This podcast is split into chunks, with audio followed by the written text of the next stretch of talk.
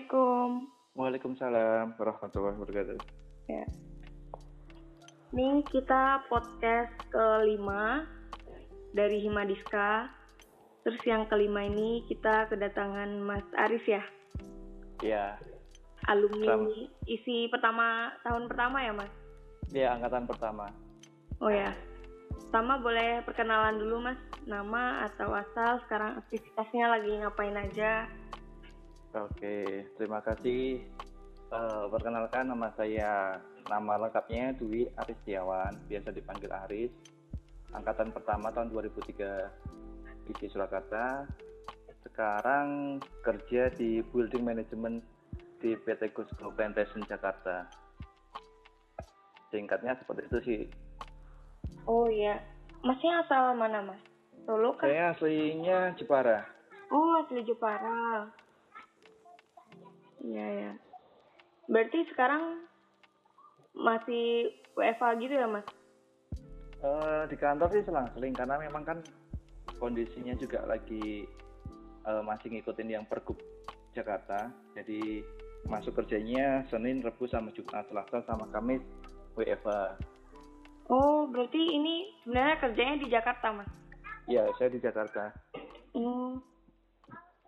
Sebelum kerja di situ berarti udah pernah pindah-pindah atau gimana, Mas? Iya, eh, mungkin sedikit cerita ya dari awal Iya. eh, kenapa saya bisa dari Jepara, kemudian bisa langsung kerja di Jakarta. Jadi Iya, gini, tahun 2007 saya magang KP itu di Jakarta di PT Damar Mastercraft.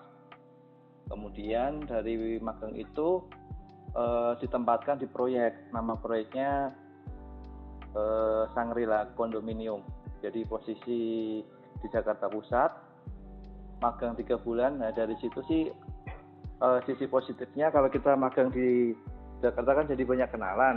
Oh iya, benar-benar. Eh, dari situ setelah selesai ada beberapa kenalan yang kemudian menawarkan setelah lulus nanti kerja di tempat dia kayak gitu. Nah, Jadi pas begitu saya selesai magang namanya PT Semar Makmur Sentosa. Dia itu kontraktor interior kaca, fasad sama furniture kayak gitu dia di Oh. Jakarta Timur. Jadi pas kondisi saya magang kan memang kenal sama direktur utamanya. Kemudian dari situ saya disuruh main ke kantornya, ngobrol-ngobrol, terus akhirnya ditawari untuk nanti setelah selesai, setelah lulus kerja di tempat dia kayak gitu. Nah dari situ udah kan balik magang, balik ke Solo lanjutin untuk bikin TA tugas akhir. Selesai ke situ di PT Semar Malu Sentosa. Nah sebelumnya juga karena memang pas magang itu eh, saya kan di PT Damar Mastercraft ya. Itu sebenarnya kan eh, PM-nya yang di situ nama, namanya Pak Sucipno. Itu temannya Bu Narmi, dosen isi Surakarta. Nah begitu saya lulus sama Pak Cipno ini juga dihubungi. Dihubungi ditawari juga di Damar juga di tempat yang sebelumnya gitu kan. Cuman karena memang saya sudah janji yang di PT Semar Mamus Sentosa, akhirnya saya milih yang di situ karena ya namanya orang udah janji ya saya tepatin. Jadi saya milih di situ. Karena memang eh, di Semar Makmur Sentosa kebetulan kan juga memang lokasinya juga eh, di Jakarta Timur ya. Ada saudara di situ juga. Kemudian karena tempatnya juga nyaman, saya di situ cukup lama. Hampir 10 tahun dari 2008 saya lulus. Kemudian saya baru mulai jenuh ya. Oh iya. Jadi jadi jenuh karena memang sudah lama, hampir 10 tahun. Tahun 2017 saya iseng tuh sebenarnya dari Semar Mamur Sentosa, iseng-iseng coba daftar-daftar lewat job list. Eh ada yang beberapa yang nyantol Oh, kayak gitu. Nah di sebelum ke yang PT barunya ini, saat saya di posisi PT Semar Makmur Sentosa, mungkin sedikit cerita juga job desk-nya ya. Jadi di situ memang perusahaan interior kaca sama furniture. Jadi job desk saya itu sebagai desainer dan juga sebagai project manager. Jadi kalau ada proyek yang datang, kalau memang tidak ada gambar dari Mencon, biasanya kita yang gambar, saya yang gambar, saya desain. Nah, tapi kalau memang kita ngesup ke perusahaan-perusahaan besar, biasanya sudah ada gambar kerja komplit jadi tinggal kita bikin shop drawing atau mungkin gambar detail untuk pengerjaannya kayak gitu eh, selama di situ sih mungkin project-project yang sering langganan itu kayak interiornya eh, fitness world terus eh, hotel kantor ya hampir semua lah ya pasar juga ngerjain juga kita bikin hotel kayak gitu memang lebih spesifiknya ke kaca jadi sisi positifnya yang awalnya saya nggak ngerti terkait detail kaca, aluminium maupun fasad, jadi dapat ilmu baru di situ. Jadi semuanya termasuk sampai detail konstruksi untuk yang aluminium, kaca fasad, karton wall, mali yang kayak gitu semuanya jadi tahu. Eh, speknya misalkan kaca tempered itu kenapa kaca tempered speknya harus ini harus itu. Jadi mau nggak mau ya jadi lumayan mengerti kayak gitu dan sampai sekarang juga walaupun saya pindah ilmu itu masih masih relevan masih bisa dipakai sampai sekarang prinsipnya sih uh, kalau saya ya nggak nggak menutup kemungkinan untuk belajar hal yang baru walaupun sebenarnya bisa dibilang kan di interior itu cukupnya luas ya kalau kaca itu kan cukup terkecilnya ya tetapi benar, benar. kita belajar dari situ juga dapat ilmu yang cukup ini lumayan bisa dipakai kayak gitu hmm. nah habis dari situ kan anggaplah saya sudah jenuh gitu ya di posisi hmm. saya jujur sudah di 10 istilahnya tahun, iya hampir 10 tahun di situ karena memang jujur sih nggak terlalu suka pindah-pindah ya sebenarnya karena memang kalau sudah nyaman ya sudah karena memang uh, kebetulan juga rata-rata orang Jawa yang kerja di situ bosnya juga walaupun Chinese tapi dia dari Jawa juga.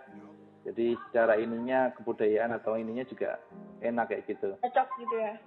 Iya udah cocok kayak gitu.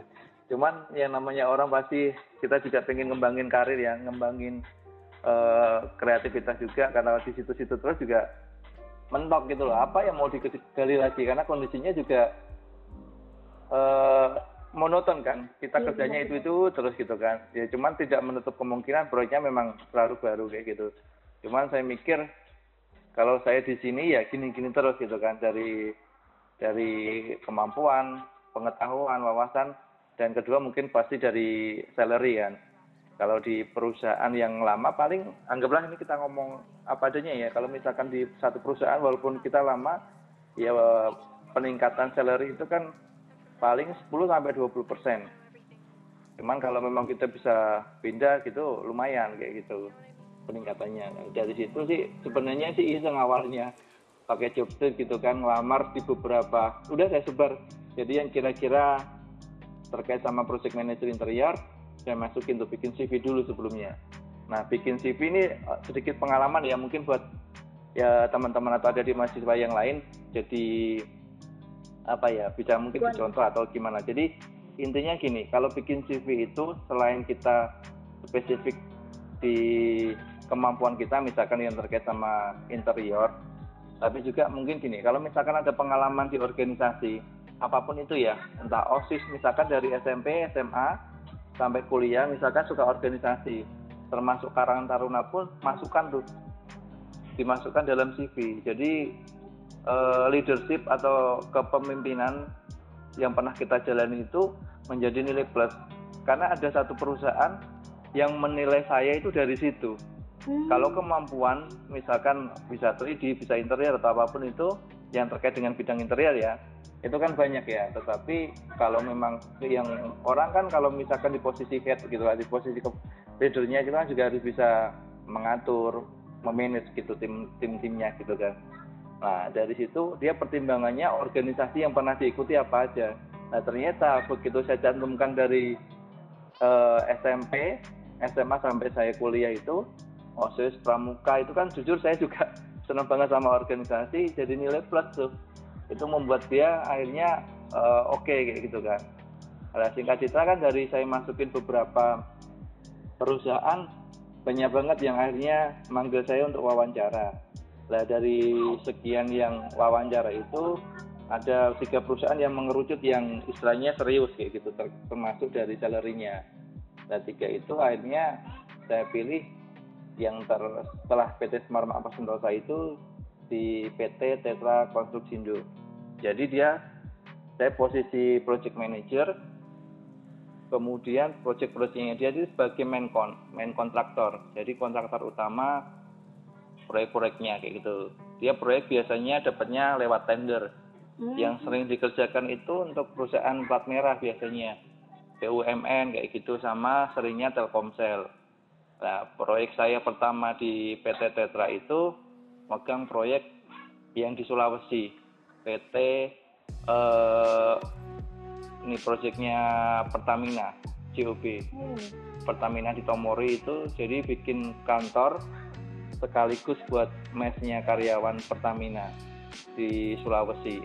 Hampir tahun saya di sana. 10 bulan hampir satu tahun lah. Jadi interior kayak gitu fitting out ya. Kalau kita nyebut di project itu fitting out untuk pekerjaan interior dan juga ada strukturnya. Dari situ ada project lagi di Jakarta Telkomsel bikin renovasi kantornya pernah juga ngerjain bikin gudang renovasi gudang. Terus setelah itu di Batam. Di Batam itu juga sama proyeknya Telkomsel. Telkomsel ada 10 lantai. Nah yang di Batam ini karena memang dulu sedikit cerita nih di Batam itu merupakan cikal bakal Telkomsel di Indonesia gitu kan. Dulu namanya Sintel. Makanya pas di Batam itu jadi kayak pionir jadi semuanya dari Batam dimulai direnovasi udah ke semua seluruh Indonesia jadinya direnovasi. Nah begitu selesai di situ tujuh bulan saya di Batam. Setelah selesai itu jadi uh, launching sekaligus untuk yang 5G telkom Telkomselnya itu. Jadi ya cukup uh, ada inilah ya jadi bisa dibanggakan juga. Ada kepala Telkomselnya itu presiden direkturnya juga sampai datang peresmian gubernur juga datang ya dapat apresiasi lah dari situ. Nah dari situ kemudian ke proyek Surabaya juga Telkomsel Palembang Telkomsel. Nah karena memang kebetulan juga proyek-proyeknya luar kota semua kebetulan juga yang anak kedua saya juga baru lahir ya. Akhirnya saya memutuskan untuk resign kayak gitu dari situ. Jadi faktor kalau yang di PT Tetra Konstruksindo faktornya memang karena istilahnya keluarga ya karena berat saya ninggalin keluarga jadinya saya. Resign nah terus akhirnya yang sekarang ini di multi management ini juga sebenarnya saya dulu pernah ngerjain interiornya. Makanya uh, direkturnya kenal ke saya begitu saya dari Tetra mau resign saya nanya dulu masih ini enggak ke butuh untuk posisi manajer kayak gitu enggak akhirnya tawarin lah jadi manajer building sampai sekarang ini hampir satu tahun ya kurang lebih seperti itu sih jadi dari pengalaman saya dari kuliah sampai sekarang kayak gitu itu setiap project pertama gitu penempatan tugas mas sama sama, sama semua apa beda-beda mas? Gimana sorry? Dari project pertama mas kerja itu penempatan tugasnya mas tuh sama semua fokus di bidang apa gitu apa beda-beda? Beda-beda, oh. pasti beda-beda karena kalau istilahnya kalau secara spesifik secara keseluruhannya sih kita pekerjaannya fitting out ya. Kalau yang di perusahaan pertama karena memang dia juga posisinya sebagai subkon subkontraktor kayak gitu ya. Jadi hmm. kita spesialisnya waktu itu juga memang di interior kaca sama fasad kayak gitu. Jadi ya beda beda-beda juga setiap project itu walaupun sama-sama PTO karena karakternya beda-beda juga. Hmm. Misalkan kita pekerjaan untuk yang di mall misalkan, berarti kan jam kerjanya pasti di atas jam 10 malam. Kalau misalkan di hotel juga sama kalau sistemnya renov ya tapi kalau memang dari awal struktur termasuk kita juga ya ya sama jam kerjanya normal malah kadang bisa 24 jam karena gini biasanya kalau sistem tender untuk fitting out itu dikasih waktu idealnya biasanya kalau tinggal ya tinggal berapa lantai anggaplah 1 sampai 3 lantai itu biasanya maksimal tiga bulan. Tiga bulan pengerjaan tiga bulan retensi. Nah, mau nggak mau dengan schedule yang ketat kita bikin kalau misalkan di fitting out nih tahapan kerjanya gitu ya begitu tender masuk misalkan oke okay, jadi nanti dari estimator. Ini saya sedikit ini ya mengarah ke teknis ya, ya jadi kalau dari teknisnya nanti uh, estimator sudah bikin RAP namanya kan ya. RAP itu untuk yang rincian harga untuk ke owner. Kita nyebutnya RAB rencana anggaran biaya gitu kan. Iya. Nah dari RAP itu biasanya nanti estimator punya RAP kalau bahasanya jadi RAP itu anggaplah bahasa modal gitu ya. Jadi e, rencana anggaran proyek. Nah nanti di, dari RAP itu dikasihkan ke PM project manager. Nah, PM nanti akan menyusun namanya RAPP rencana anggaran pelaksanaan proyek. Dari RAPP ini jadi contohnya gini anggaplah ya misalkan RAP-nya anggaplah 10M misalkan. Nah, RAP-nya 7 berarti kan sekitar 30% kan tapi kita harus bikin PM itu, project manager harus bikin RAPP itu harus di bawah 7M. Karena nanti kan harus mempertimbangkan overhead segala macam itu termasuk hire untuk yang subcon, cari subcon itu juga terlibat PM walaupun nanti secara spesifik tugasnya itu di posisi logistik atau purchasing kayak gitu. Tetapi leadernya tetap di project manager. Jadi apa pun itu ya memang kontrolnya ada di project manager. Begitu project mau mulai ya. Nah setelah kita bikin RAPP rencana anggaran pelaksanaan proyek kita menyusun namanya time plan. Itu bisa dua dua cara ya bikin pakai. Tapi yang wajib itu adalah yang bikin S curve atau kurva S kurva S itu untuk time schedule sama bobot kerja. Jadi nanti misalkan nih target per minggu ini kita berapa persen yang harus di, ditargetkan Nah, nanti pencapaiannya berapa persen.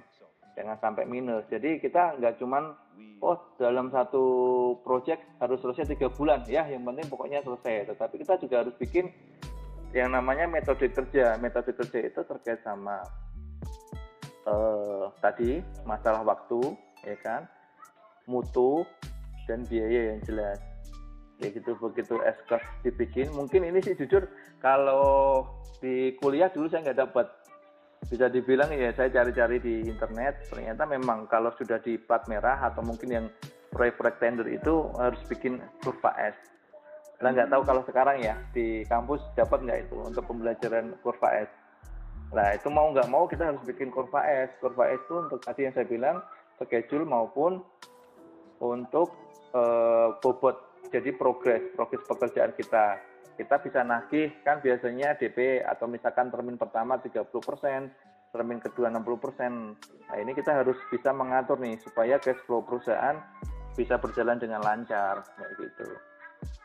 Nah, kunci utama proyek sih sebenarnya simpel sih kalau saya selalu mengingatnya ya istilahnya bahasa ya simpelnya BMW ya.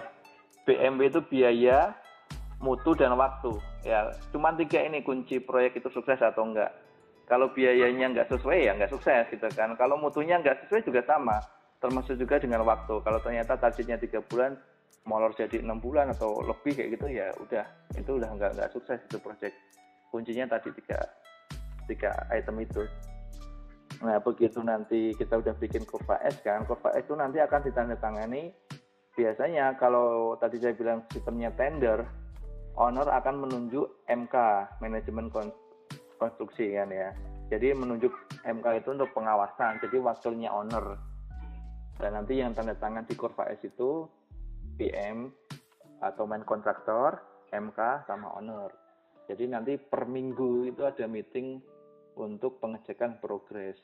Ya gitu. Misalkan kita target eh, empat minggu dalam satu minggu itu lima persen misalkan. Kalau nggak kecapai itu harus bisa menjelaskan kalau memang nanti tidak tercapainya itu ada faktor X atau kesalahan dari Menkon, kalau terus menerusan minus nantinya akan kena penalti. Nah itu yang harus sebisa mungkin dihindari kayak gitu. Nah dari situ juga eh, kalau misalkan ya MK itu eh, ada tambahan pekerjaan, biasanya kita di lapangan nyebutnya sih SI atau Set Instruction. Jadi ada perintah pekerjaan tambahan di lapangan itu nah itu juga harus ada dasar-dasarnya. Intinya kalau kita project-project tender administrasi harus kuat. Apa pun itu harus ada berita acara. Termasuk misalkan pekerjaan kita pun harus bikin task commissioning. Jadi apakah memang itu pekerjaannya sudah sesuai sudah dilakukan pengetesan atau belum. Jadi nanti setelah masa retensi selesai kita sudah bekerja sudah sesuai aturan. Kalaupun di audit maupun dari BPK ataupun audit internal mereka kita aman karena memang kita kerja sudah sesuai prosedur. Kurang lebihnya sih seperti itu sih. Cuma kalau memang detailnya sih banyak gitu. iya ya lebih banyak lagi ya mas. Iya. Berarti ini udah berapa kali pindah tempat kerja mas? Uh, sebenarnya sih belum banyak. Dari yang hampir 10 tahun itu terus di Tetra itu tiga tahun sekarang ini baru satu tahun baru tiga oh. Tiga tempat sih. Dan sudah di interior belasan berapa belas berarti mas? Ya 2008 ya sekitar 12 tahun Langsung lebih. ya, hampir dari- 13 ya lulus kuliah langsung dapet pekerjaan ya? Iya, ya itulah. Mungkin eh jadi ini juga apa ya jadi yang mau dijadiin contoh bisa juga. Kalau misalkan jadi kalau misalkan adik-adik yang lain mau magang atau mau apa itu sebisa mungkin sih di Jakarta. Dengan misalkan atau anggaplah bukan di Jakarta lah ya kita cari tempat yang yang bagus lah. Jadi yang kalau memang bisa yang besar. Ya cuman memang minatnya orang kan beda-beda. Kalau saya mungkin lebih senang di posisi manajer atau misalnya di project ya di lapangan. Ada juga yang memang suka desain, berarti mau nggak mau nyari yang konsultan.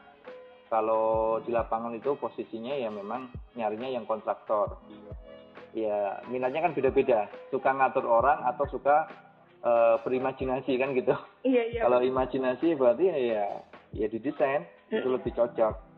Cuman memang kembali lagi kalau kita punya imajinasi yang bagus, desain tetapi kan mau nggak mau kita juga harus tahu struktur atau konstruksi ya maupun itu furniture maupun itu bangunannya. Kan nggak bisa juga asal desain. Karena memang kayak kemarin juga kita ada pengalaman oh kita posisinya yang ngerjain ya sebagai kontraktor. Itu sih dikenalinnya desainernya lulusan Singapura kayak gitu kan ya. Tapi juga nggak jaminan juga lulusan dari luar negeri mengerti struktur.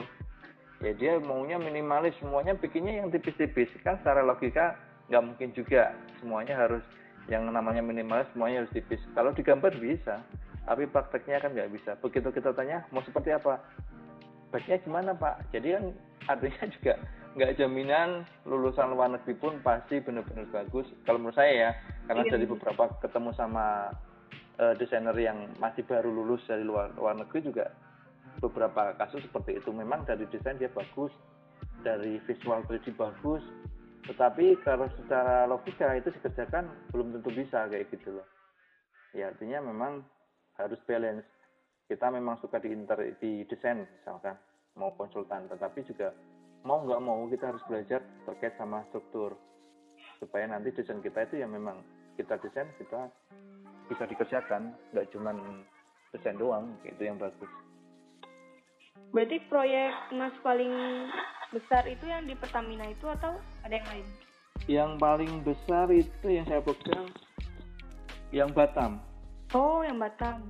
Eh, eh, itu karena memang ada fitting out, ada struktur sampai fasad maupun landscape. Jadi eh, empat empat ini ya item pekerjaan sebenarnya fitting out, kita renov interiornya, ada beberapa struktur yang perubahan, kita bikin kanopi, bikin jembatan kayak gitu juga. Terus fasad kita ngerubah tampak yang existing kita rubah pakai material ACP. ACP itu aluminium composite panel Hmm. dan juga ada landscape jadi taman semuanya direnov seperti itu itu paling besar sih yang pernah saya pegang itu nilainya 75 m oh besar juga ya besar banget iya paling besar sih itu oh. kalau yang di Pertamina dulu 15an itu berapa lama mas tadi? Kalau yang itu 10 bulan.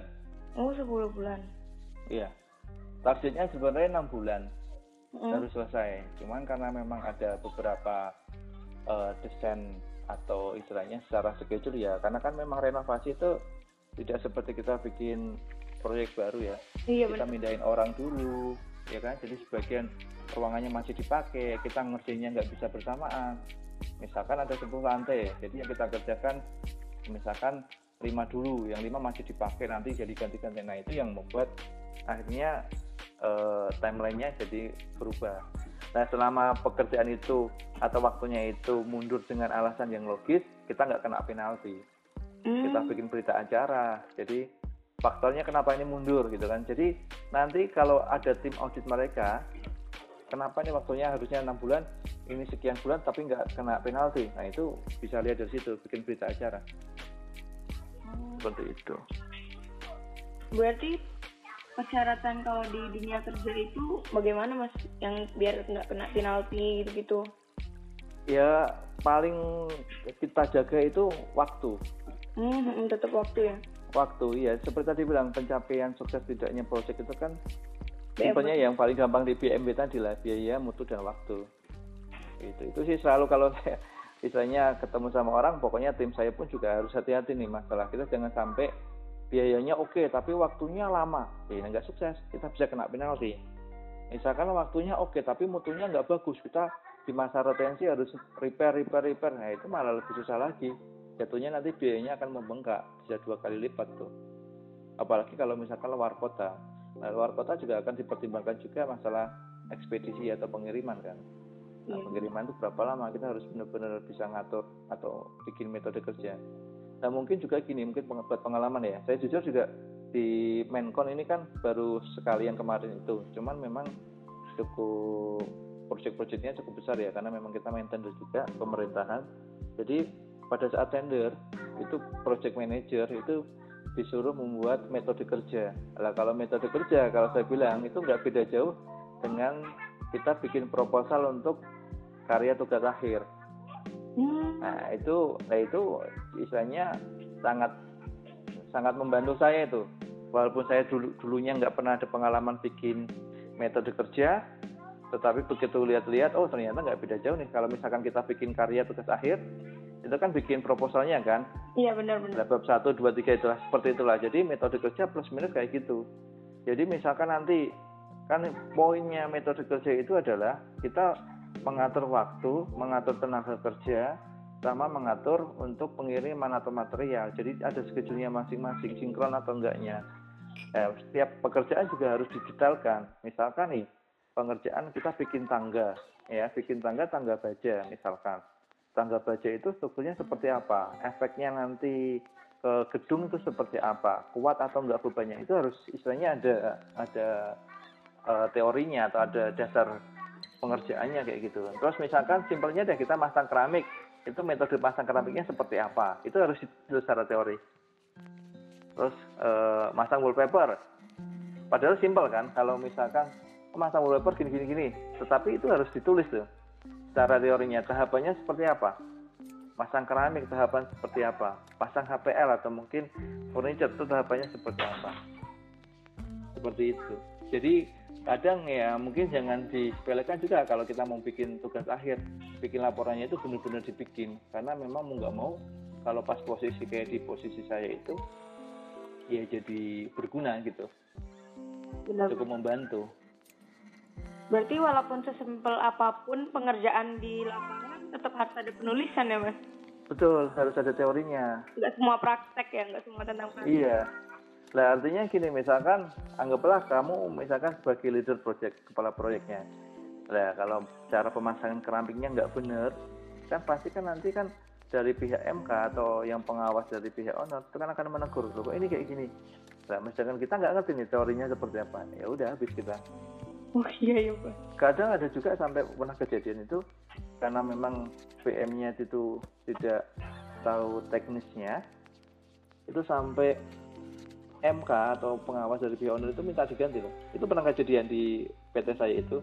Jadi PM yang di tempat saya itu ada sampai minta diganti. Iya ada banyak faktor sih ya. Salah satu faktornya pengetahuan terkait sama teknis. Ditanya ini itu nggak ngerti. Otomatis kan ini sebenarnya orang bisa atau nggak sih kan gitu? Oh iya benar diragukan ya. Betul. Karena ya tetap dia posisinya kan di struktur organisasi project itu kan dari ada PM di bawahnya ada SM set manager. Nanti di bawahnya ada supervisor ada engineer ada driver administrasi logistik sampai ke tukang-tukang itu kan lah. Level-levelnya itu memang punya tugas dan tanggung jawab masing-masing ya. Artinya ya kita nggak harus mengerti detail tetapi paling nggak global sistem manajemen projectnya seperti apa harus tahu. Hmm. Gitu. ini kedengeran suara-suara. Hentakan nggak mas di sana? Ah sedikit. Lagi apa itu? Di sebelah asrama lagi pembangunan apartemen. Oh. Dikit lagi masuk ke panjang? Apa mas? Lagi panjang. Oh, oh lagi ini semester berapa kamu? Saya semester 5, angkatan Semester lima. 2018. 2018 ya. Jauh ya sama Mas.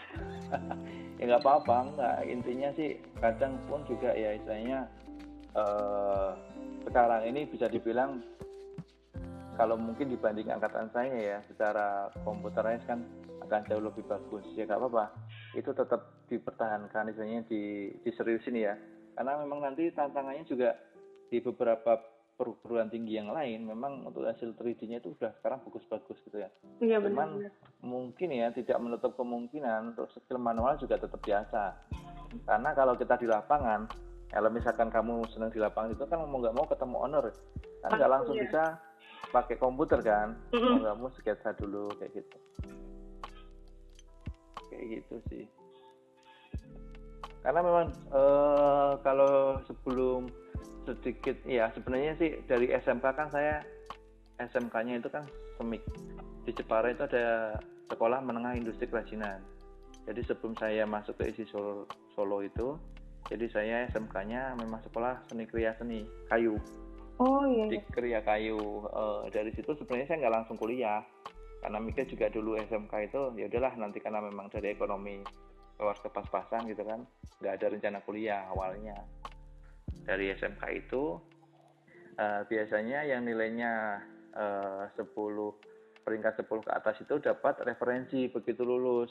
Nah itu kan kita di semik itu di SMK saya itu dulu ada kerjasama dengan beberapa perusahaan mebel biasanya. Nah dari situ saya kerja lulus SMK itu langsung kerja di Semarang di mebel yang punya orang Amerika waktu itu yang lain pada tahun 2002 itu eh, mereka pada collab. Nah dia masih berdiri karena memang di Amerika dijual sendiri ya jadinya masih lancar. Itu ceritanya. Jadi eh, sedikit banyak sih furniture untuk teknisnya sudah ada sedikit pengetahuan sebelum ke isi gitu. Karena memang struktur atau konstruksinya itu juga sangat mempengaruhi ya terkait sama desainnya juga. Investor ini lagi bikin pak. gimana? Ini juga semester ini yang angkatanku lagi bikin tugasnya mebel satu banding satu. oh ya Jadi yang awalnya mebel ada ini konstruksi gimana? Jadi kayak harus dipaksain harus dan ini eksekusinya beneran berhasil iya. Dulu itu semester berapa ya saya semester lima juga kali nggak salah ya bikin mebel satu banding satu. Aku bikin ini pakai bahan enceng gondok. Oh iya iya. Anyaman enceng gondok. Heeh. sampai sekarang masih masih eksis itu eh enceng gondoknya udah rusak. Oh. ya karena memang kan itu kan maintenance-nya agak susah kalau main bahan-bahan kayak gitu. Mm-mm. Kalau misalnya ngomongin proyek yang paling berkesan atau menantang, apa mas? Di mana? eh ini jadi kalau yang awal-awal tuh sebenarnya sih semuanya punya kesan ya Iya benar-benar. nah yang paling agak serem tuh yang di Sulawesi Oh yang Oh. Pertamina tadi? iya di Sulawesi itu kan satu kita nggak cuman secara teknis ya banyak item non teknis yang harus kita juga kuasai non teknisnya itu masalah sosial lingkungan jadi Oh, benar. di Sulawesi itu pemerintah eh, peraturan pergub eh, ininya ya pemdanya itu jika ada pekerjaan di situ itu Oh. diwajibkan menkon main kontraktornya itu 50% harus menyerap tenaga lokal Hmm. Nah itu yang yang jadi bumerang atau mungkin jadi problem tuh. Nah begitu kita harus datengin orang dari Jakarta misalkan 50, harus 50 juga orang yang dari lokal terserap ke situ. Nah problemnya orang yang minta pekerjaan itu rata-rata model yang satu kayak premanisme. Jadi yang orang-orang yang pengen dapat kerjaan tapi dia nggak ngurusin kerjanya, hanya dilempar lagi ke orang lain juga aparat oknum ya oknum aparat juga yang memanfaatkan jadi kalau enggak ya nanti di demo kayak gitu. Pembayaran telah di demo. Sampai ada yang satu kasus itu pas kebetulan saya lagi di di Jakarta ya di tim saya di sana karena memang dari kantor ada keterlambatan pembayaran untuk material gitu. Sampai didatangi 10 orang waktu itu bawa parang. Kita disam, disamperin ke mes sama 10 orang bawa parang itu disandra itu kalau sampai jam 12 ini nggak bayar ya nggak tahu kayak gitu. Bener-bener ancamannya sampai seperti itu. Jangan mati gila. Kita bisa pulang tinggal lama. Iya. Itu tuh yang paling serem lah. Ya, terus pada mabuk pada ini kalau ditegur dia lebih nyolot. Mm-hmm. karena merasa orang sana gitu kan. Ya akhirnya eh, apa ya banyak pekerjaan mereka yang mau nggak mau kita harus repair harus kita perbaiki lagi. Ya itulah dia menang punya lokasi ya punya masa. Kita udah sampai backingan provos ya kita sewa polisi. Enggak ngefek. Tapi kalau nggak ada lebih parah lagi. Jadi iya. polisi ya cuman kita eh sama aja juga oknum oknum kamu juga yang ini memanfaatkan kayak gitu. Waktu itu juga udah bayar per bulan 6 juta tuh untuk provosnya itu tapi juga nggak ngefek. Demo di demo aja. Iya. pernah tuh saya lagi meeting sama owner. Tahu-tahu pintu-pintu mesnya itu mau dilepas tuh. Dia bawa ya tujuh orang sudah bawa bawa perlengkapan mau pokoknya mau lepas. Gila padahal itu kan di zona yang tidak gampang orang masuk ya di Pertamina itu ya. Tapi karena memang kayak security atau yang bagian luarnya itu kan teman-teman mereka juga. Akan sih lah ya. Iya makanya. Akhirnya dinegosiasi juga bisa. Ya artinya banyak hal non teknis lah yang saya belajar dari situ. Itu terus kalau awal-awal hmm, gimana? Lanjutin dulu mas. Jadi banyak yang ngomong nih saya. Nggak waktu malah bagus nih jadi pernah juga lagi awal-awal kayak gitu. Ada yang mengatasnamakan pihak Pertamina gitu kan. WA karena memang awalnya kan namanya itu ada kick off meeting kalau baca di proyek itu. Kick off meeting itu adalah uh, jadi meeting dimulainya proyek. Ya kita bikin presentasi ya bikin presentasi tahapan kerja schedule sampai nanti main power secara teknisnya lah. Intinya proyek ini mau kamu gimana kan supaya pekerjaan bisa on schedule gitu kan. Nah dari situ kan banyak tuh banyak banyak divisi lah yang yang datang kayak gitu kan. Ngisi nama tang apa nomor telepon email segala macam ya dari situ kan nomor saya kan kesebar kan. Ya benar eh, dari kesebar itu karena banyak oknum yang memanfaatkan. Tahu-tahu mengatasnamakan diri dirutnya Pertamina ya minta ketemu lah minta ini minta itu. Pada dasarnya dia minta uang lah. Ya pajak gitu lah bahasa kasarnya. Nah begitu kan wah ini beneran atau enggak nih? Kan saya mikir kan. Ya kan kalau memang pun ada kalau memang itu sebagai suatu keharusan kan saya tinggal minta ke kantor kan. Karena memang ya kadang yang non teknis ini mau nggak mau harus diselesaikan juga. Supaya saya cek ke Pertamina-nya ternyata enggak nomornya juga enggak wah dari situ kan udah mulai ancaman pertama kali tuh. Iya. Nah, kebetulan juga kan memang prinsip saya sih gini MK itu kan pengawas kita. Mm. tapi jangan jangan dibikin musuh gitu loh. Ya mau nggak mau kita sesekali rangkul sesekali juga pukul kayak gitu istilahnya bahasanya gitu. Jadi kadang memang MK kan tugasnya kan nyari kesalahan kita gitu kan.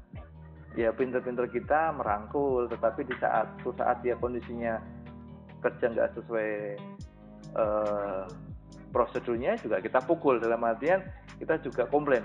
Karena kan dia pasti akan selalu mengkomplain hasil pekerjaan kita. Karena yang namanya proyek itu tidak selalu pekerjaan mulus 100% sempurna. Benar. misalkan nih uh, pekerjaan kayak contohnya deh simpelnya deh masang keramik atau bongkar ya yang lama harusnya teorinya harus dibongkar. Kayak gitu kan nah ternyata kita dari secara waktu nggak bisa nih. Kita harus pakai metode lain supaya cepat gitu kan. Pakai lem lem khusus yang keramik misalkan. Ya mau nggak mau kan padahal secara uh, ininya aturannya kan harus dibongkar. Ya, itu kan nego-nego aja sama mereka kayak gitu. Nah itu harus coba pintar-pintar kita negosiasi supaya itu di ACC atau misalkan bahan nih misalkan spek gipsum itu kan harus misalkan contohnya ya pakai jaya bot misalkan ya di eh, apa persyaratan spek itu kan biasanya semuanya udah tertulis tuh. Biasanya tebelnya satu buku itu persyaratan spesifikasi project gitu kan. Misalkan tadi untuk pekerjaan gipsum selling maupun partisi pakainya Jaya buat. Itu kan kita harus ngajuin approval material kan. Nah, kayak contohnya waktu itu eh, karena di luar kota di Sulawesi nggak ada tuh buat mentok-mentok A plus gitu kan. Padahal kan harusnya mau nggak mau harus buat lah kayak gitu. Ya saya nego ya misalkan nggak bisa meyakinkan kalau ini pasti bagus kualitasnya nggak beda jauh harganya juga nggak beda jauh. Walaupun secara teorinya juga pasti akan berbeda kan secara spek kan. Iya benar ya hal, hal seperti itu harus bisa negosiasi sih. Hmm, artinya kita bisa dibilang down spec ya tetapi down spec kan dengan pertimbangan kan. Iya. artinya karena memang tempatnya nggak ada dari sisi waktu kayak gitu. Contoh juga chat. Chat waktu itu speknya mau wilek di Sulawesi Tengah itu nggak ada yang jual mau wilek kalaupun mau wilek harus beli ke Makassar. Atau kalau nggak harus dari Jakarta. Ya kan gila kan pengirimannya aja di sana ekspedisi pakai kapal itu dua minggu. Mau selesai kapan kayak gitu kan? Akhirnya saya ganti dengan spek yang di sana. Ya kayak gitu gitulah artinya eh, persyaratan yang diwajibkan dari biasanya kan ada tender itu kan itu ada eh, spesifikasi project. MK itu ngawal itu supaya speknya nggak dirubah. Gitu harus bisa pintar-pintar kita merangkul sih. Tapi itu ada pernah ada kendala nggak mas? Nggak mau gitu dirubah pokoknya sesuai spesifikasi yang udah ditulis gitu.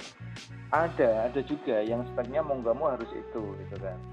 Cuman eh, biasanya kalau saya sudah mentok ya itu. Kalau memang speknya harus itu saya minta waktu mundur karena secara prakteknya nggak mungkin kalau kita paksakan dengan spek itu. Kayak contohnya waktu itu di Batam spek bikin karpet masjid itu harus speknya A. Nah, spek A itu di Batam nggak ada. Itu harus datangin dari Jakarta. Datangin dari Jakarta termasuk kita timnya juga dari Jakarta. Nah lucunya juga kan kita harus bawa alat mesin jahit itu dari Jakarta kan iya benar. Nah semuanya dari Jakarta kan ya udahlah saya minta waktu mundur nih. Mundur sekitar dua minggu karena pengiriman dua minggu. Akhirnya negosiasi oke. Udah udah selesai dipasang semuanya. Nah giliran saya mau balikin mesin jahit jadi problem itu. Karena kalau di Batam Batam itu masuk bahasa ininya ya masuk ke Batam itu gratis keluarnya bayar. Dari sisi PPN ya atau pajak ya. Di sana kan kenapa elektronik murah ya karena mereka pajaknya nggak ada nggak pakai pajak masuk ke Batam itu. Hmm. makanya kan terkenal kan wah kalau mau beli dari Batam murah-murah gitu kan. Karena memang peraturannya itu nggak pakai pajak di sana nggak ada pajak 10% mau beli laptop mau beli apa terkait elektronik murah ya. Tapi keluar Nah, gitu nah itu keluarnya. Saya kan juga bingung kalau alat kecil kan masih gampang kan. Nah kalau mesin jahit karpet itu kan lumayan gede dan berat gitu. Kalau pakai jalur khusus waktu itu jadi dia eh, presentasinya 30% dari nilai pembelian. Mesin jahit itu belinya 24 juta lah. Berarti kalau ngirim 8 jutaan. Oh. kan gila. Akhirnya nego-nego nyari jalan yang lain lah yang punya kenalan. Nah inilah artinya maksudnya kita juga di proyek itu nggak bisa kaku. Kita harus juga pinter-pinter cari celah. Ya dalam artian selama itu masih bisa dijalankan dan kita nggak nggak terlalu ini ya artinya untuk nyari keuntungan pribadi itu harus tuh harus harus bisa nyari opsi kayak gitu. Nah akhirnya nego-nego cuman lewat ekspedisi kayak JNE kayak gitu tapi dia jalurnya jalur khusus. Bayarnya dua kali lipat tapi kan masih mending cuman 750 kan Oh, beda iya. jauh tuh dari 8 juta cuman 750 gitu. Terus mungkin pesan juga ya kalau buat misalkan siapa pun lah ya nanti yang di yang masuk ke proyek kayak gitu. Karena memang kalau proyek itu bisa dibilang kan lahannya lahan basah ya. Terutama misalkan lu di posisi project manager. Karena kalau kayak di tempat saya itu yang menentukan kayak tadi saya bilang kita bikin RAPP itu kan PM nah banyak kasus juga PM PM yang di tempat saya itu akhirnya sampai dikasusin masalah hukum. Karena ya itulah yang namanya orang mungkin kalau uang itu kan nggak kenal inilah ya. Artinya apa aja sampai gitu dia ya? korupsi ya artinya eh waktu itu contoh jadi di Sulawesi itu kan dulu sebelum saya kan ada PM-nya ya jadi PM struktur ada kasus terus akhirnya dikat ya itu salah satu faktornya ya banyak main banyak markup. Ya sebisa mungkin yang nggak menutup kemungkinan ya namanya proyek itu kan istilahnya apa ya banyak uang yang abu-abu ya. Tetapi sebisa mungkin kita menghindari lah. Karena kalau enggak apa pun itu kan juga kembalinya ke kita lagi juga. Misalkan cuma sebentar kerja di situ dipecat atau dikasusin hukum kan beresiko. Ya. karena faktor kita mau markup mau istilahnya uh, dapat lebih dari situ keuntungan pribadi. Gampang kembali ke kitanya. Kayak gitu. Banyak akhirnya di proyek-proyek di PM-PM yang teman-teman kantor saya itu ya dikasusin hukum minimal paling cepat dipecat lah. Kan nggak enak tuh. Bener